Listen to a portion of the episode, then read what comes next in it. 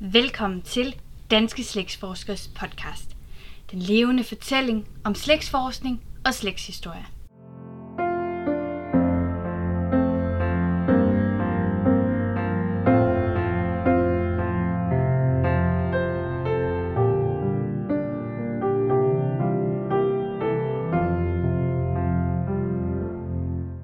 Mit navn er Mette Bochert Valund, og i dette afsnit vil jeg besvare spørgsmålet, hvordan kommer man i gang med slægtsforskning?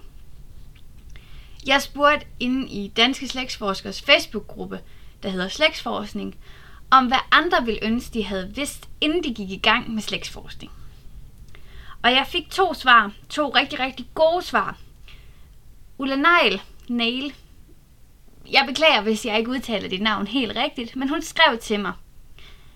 Jeg vil ønske, jeg havde startet noget før. Jeg var i midt 50'erne, inden jeg fik begyndt, og der var både forældre og bedsteforældre døde. Jeg har selvfølgelig hørt en masse historier, men det er ikke det samme at skrive ned nu 25-35 år efter de er døde, som hvis jeg havde interviewet dem dengang. Dengang havde jeg nok forestillet mig, at det mest handlede om at slå op i kirkebøger og finde nogle datoer. Men nu ved jeg, at man bliver nysgerrig på mange, mange ting, som er meget svære at finde. Desuden ville jeg ønske, at jeg havde sat mig bedre ind i, hvad mit slægtsprogram kunne, og hvordan det virkede. Jeg har for eksempel en papirudskrift fra alle relevante opslag stående i mapper. Det ville have været noget mere overskueligt, hvis jeg havde haft en pdf eller et link i programmet. Det skal nok være flere ting, men de ovennævnte er de vigtigste. Ulla Neil beskriver egentlig meget godt, hvad jeg kan se mange andre også tænker, fordi jeg fik jo et svar mere, og det var i meget, meget samme stil, fordi det var Ingelise Møldrup, som skrev til mig, der er én ting, jeg vil ønske, jeg havde vidst, eller i hvert fald havde fået gjort, inden jeg gik rigtig i gang med slægtsforskning. Det drejer sig om at få sine forældre og bedsteforældre og generelt set ældre slægtninge til at fortælle det, de kan huske og ved om deres egen tid og om deres forældre, og få sat navn på alle de billeder, der er samlet, så man kan fortælle deres historie. Det fik jeg ikke gjort, og derfor har jeg huller i min forældres historie, fra de blev gift, til jeg selv kan huske.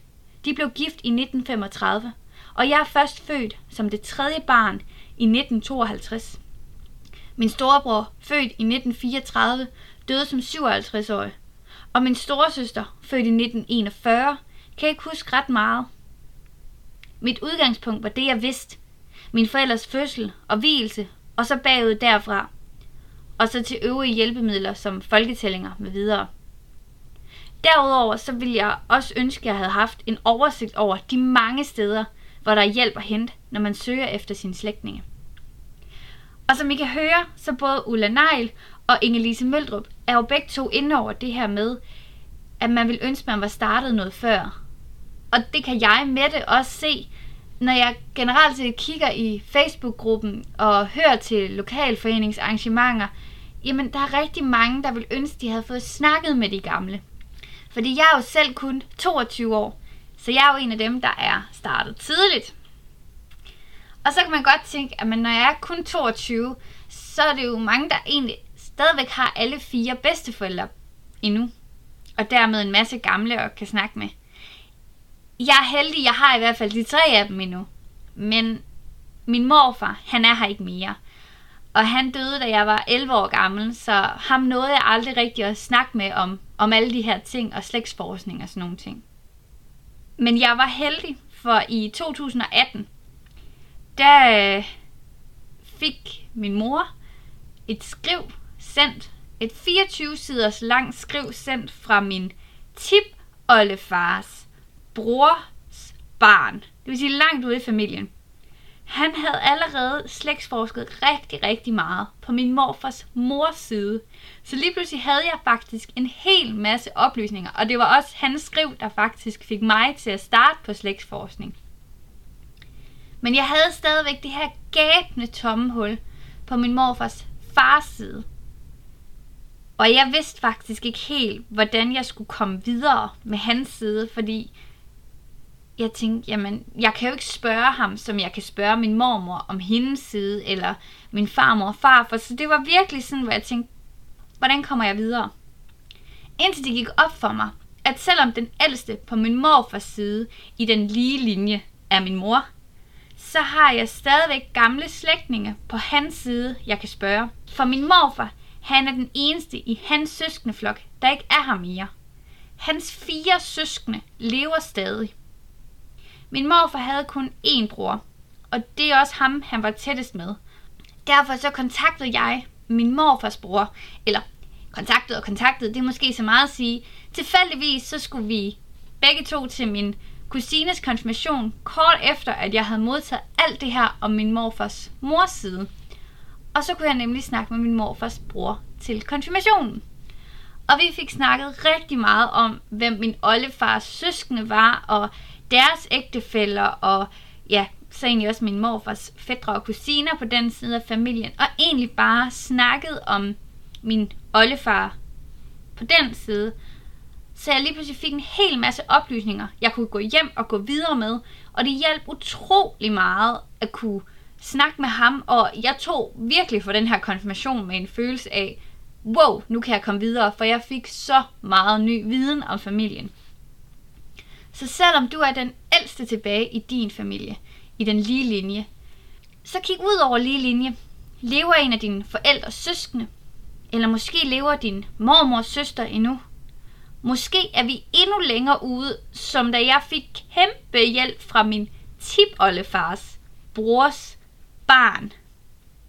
Måske behøver det faktisk ikke at være en, en ældre slægtning end dig, men bare en slægtning, der måske ved mere om den side af familien, end du gør.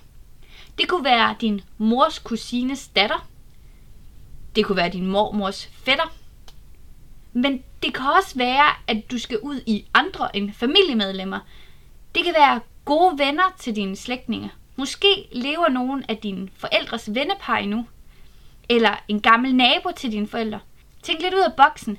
Hvem havde de sådan meget kontakt med? Det kan være, at det ikke bare er familie, du skal kigge på, men, men de her gamle venner og naboer. Det kan også være, at man skal tænke lidt ud af boksen om, hvordan man snakker sammen. Og du kan faktisk høre i afsnit 3 om, hvordan min mormor og jeg, vi har taget på nogle mindeture sammen, som har givet mig endnu mere til min slægtsforskning. En anden mulighed for at få mere at vide om slægten, det er lokalarkiverne.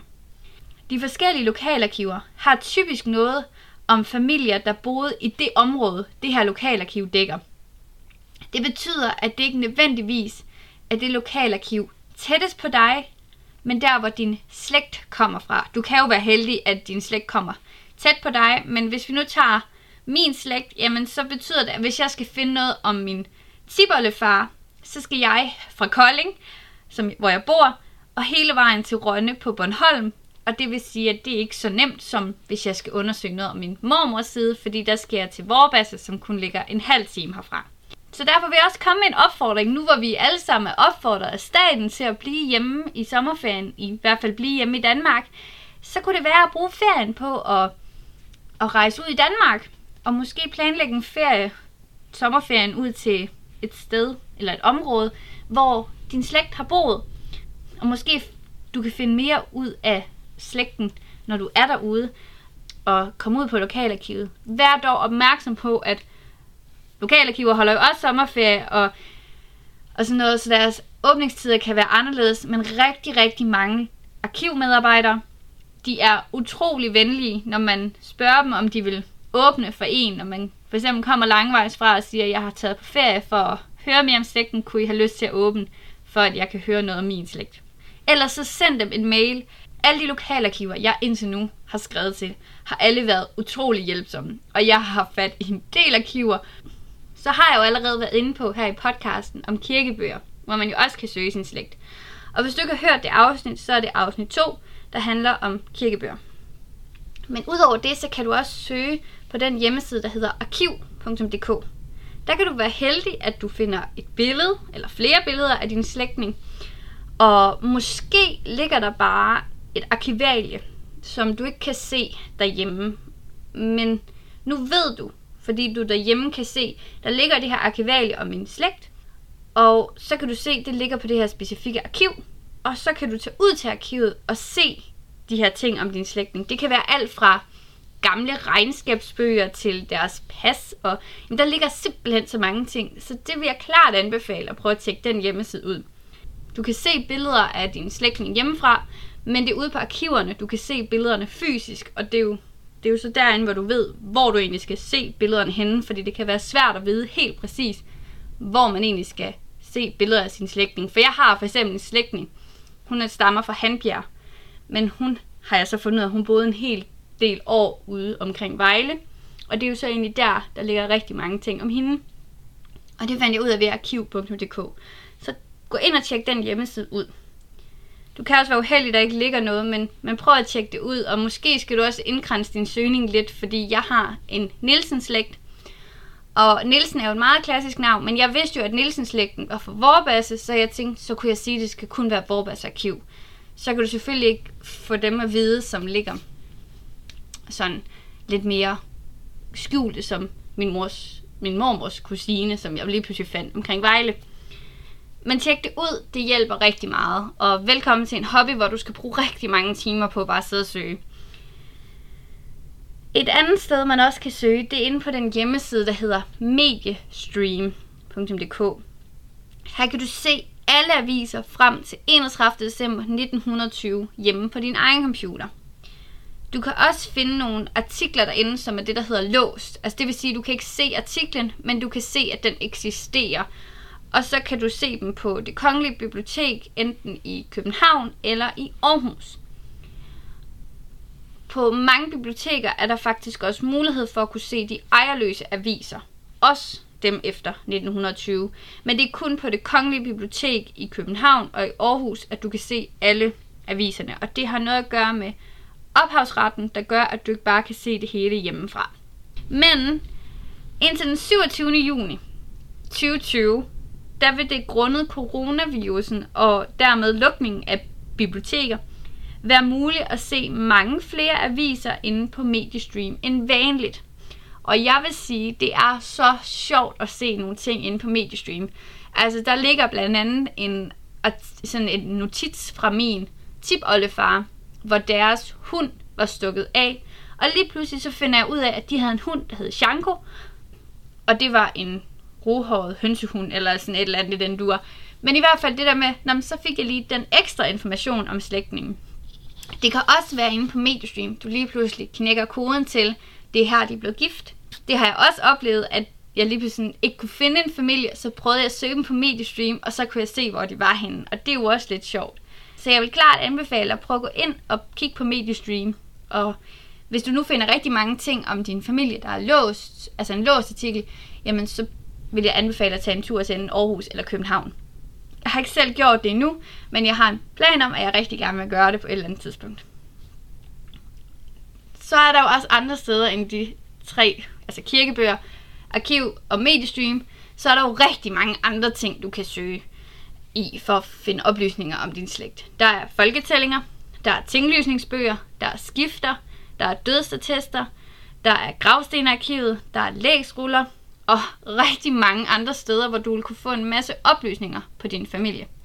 Og jeg vil linke til både arkiv.dk og mediestream.dk, samt til både Danske Slægtsforskers hjemmeside og Rigsarkivets hjemmeside, hvor der er oversigter over alle de forskellige sider, der er tilgå i forhold til at komme videre med din slægtsforskning. Og så er der jo selvfølgelig nogle gange, man lige pludselig finder noget om familien et sted, hvor man tænker, okay, der har jeg ikke lige regnet med at finde noget om min slægt. Og det er jo der, hvor man bare skal huske at få det skrevet op. Og jeg kan ikke lige komme med et konkret eksempel, men jeg har nogle gange tænkt, okay, det er slægtning for mig, det får jeg lige noteret. Og så vil jeg klart anbefale, at man bliver medlem af Danske Slægtsforskers Facebook-gruppe Slægtsforskning. Fordi det er en super brugbar gruppe, hvor der er enormt meget hjælp at hente. Altså lige nu er der over 20.000 medlemmer derinde. Så det vil sige, at du kan få hjælp stort set døgnet rundt, og folk er enormt hjælpsomme derinde. Derudover så er der også medlemssiden inde på Danske Slægtsforskers hjemmeside, hvis man er medlem, hvor man kan... Jeg mener, man skal være medlem for at kunne se den hele siden. Altså der er nogle ting, du kan tilgå, hvis du ikke er medlem af Danske Slægtsforskere, men hvis du vil have hele forummet åbent, så skal du være medlem af Danske Slægtsforskers hovedforening. Og der kan man også få hjælp. Jeg har ikke selv brugt det sådan særlig meget. Jeg, faktisk, jeg tror kun, jeg har brugt det én gang. Og det er jo nok også lidt, fordi jeg er 22, så for mig er Facebook der, hvor jeg går til. Så jeg kender ikke så meget til deres forum, men jeg ved, at der er rigtig meget hjælp at hente, fordi nogle gange er jeg inde og søge i de forumer, men jeg spørger ikke selv så meget derinde, da jeg er et ung menneske, der bruger Facebook rigtig meget. Men nu hvor vi er inde over danske slægtsforskere, så vil jeg sige, at jeg vil også klart anbefale at blive medlem af Danske Slægtsforskere. Det er en forening, der har en masse lokalforeninger under sig, og derfor vil jeg også anbefale at blive medlem af en lokalforening. Fordi der kan du komme ud til det, der hedder klubaftener, og snakke med nogle ligesindede, og nogen, der sparer med, og du kan også være heldig ligesom mig, at de faktisk bruger deres fritid på det, og jeg har fået en mail fra en ude fra min forening, som har fundet en masse om min oldemors slægt, som jeg ikke selv kunne finde, så det er jo super fedt, at man får det her fællesskab ved at være i en lokalforening. Generelt set har jeg fået så meget hjælp af den lokalforening, og det at være ude og spare med nogle ligesindede. Og udover klubaftener er der også kurser og foredrag og sådan nogle ting i lokalforeningerne. Der er også nogle foredrag og kurser og sådan noget i forbindelse med hovedforeningen. Og så er der også kurser og foredrag på Rigsarkiverne rundt om i landet, og der er faktisk rigtig mange steder, hvor du kan komme til nogle foredrag og nogle kurser om slægtsforskning. Så det vil jeg klart anbefale. Og jeg vil linke til både Facebook-gruppen i beskrivelsen, og jeg vil linke til hvordan du kan blive medlem af Danske Slægtsforskere, og derinde kan du også se alle lokalforeningerne, og så vil jeg linke til Rigsarkivets sider med alle de her kurser, der er derinde. Der er jo selvfølgelig ikke rigtig noget lige nu, fordi coronavirus, men når coronavirusen ikke er her, så er der normalt rigtig, rigtig mange ting. Og så vil jeg også anbefale jer, der er gode til at læse de der gamle skrift, og gå ind på Rigsarkivets hjemmeside og tjek ud, fordi de søger tastere til at indtaste de her oplysninger, så man alle kan få mulighed for at søge i dem. Og det er i hvert fald noget, jeg ved rigtig mange nye. De synes, det er rigtig svært at finde oplysninger. Så hvis jeg er lidt gavet slægtsforskere, I kunne, eller bare jer, der har lyst til at give jer et kast med det, så vil jeg klart anbefale jer at gå ind og melde jer til at blive frivillige taster på Rigsarkivet, så vi alle sammen kan få stor gavn af, at det er tastet ind, og vi nemmere kan, kan læse det, fordi vi kan søge i det. Jeg håber, du er blevet lidt klogere på slægtsforskning og har lyst til at give dig et kast med slægtsforskning. Og hvis du sidder derude og tænker, jeg ved noget om tinglysningsbøger, eller jeg ved noget om lægsruller, eller et eller andet i den dur, som du kunne tænke dig at komme ind og snakke med mig om i den her podcast, så vil jeg blive rigtig, rigtig glad for det. For jeg ved jo ikke alt, og jeg vil rigtig gerne have, have nogle andre med også. Så hvis du kunne tænke dig at komme ind og fortælle om et eller andet, som du ved noget om, eller bare har lyst til at fortælle din livshistorie, eller en god oplevelse med slægtsforskning, eller du bare tænker, jeg vil egentlig gerne fortælle en god historie, men jeg har ikke lyst til at være med, så kan du skrive den til mig på min mail, podcast og det vil også stå nede i beskrivelsen. For jeg vil rigtig gerne høre fra jer, fordi det er enormt fedt at høre nogle andre, så vi kan få rigtig mange til at blive interesseret i slægtsforskning. Jeg håber, du har nydt det her afsnit, og så lyttes vi ved i næste afsnit af Danske Slægtsforskers podcast.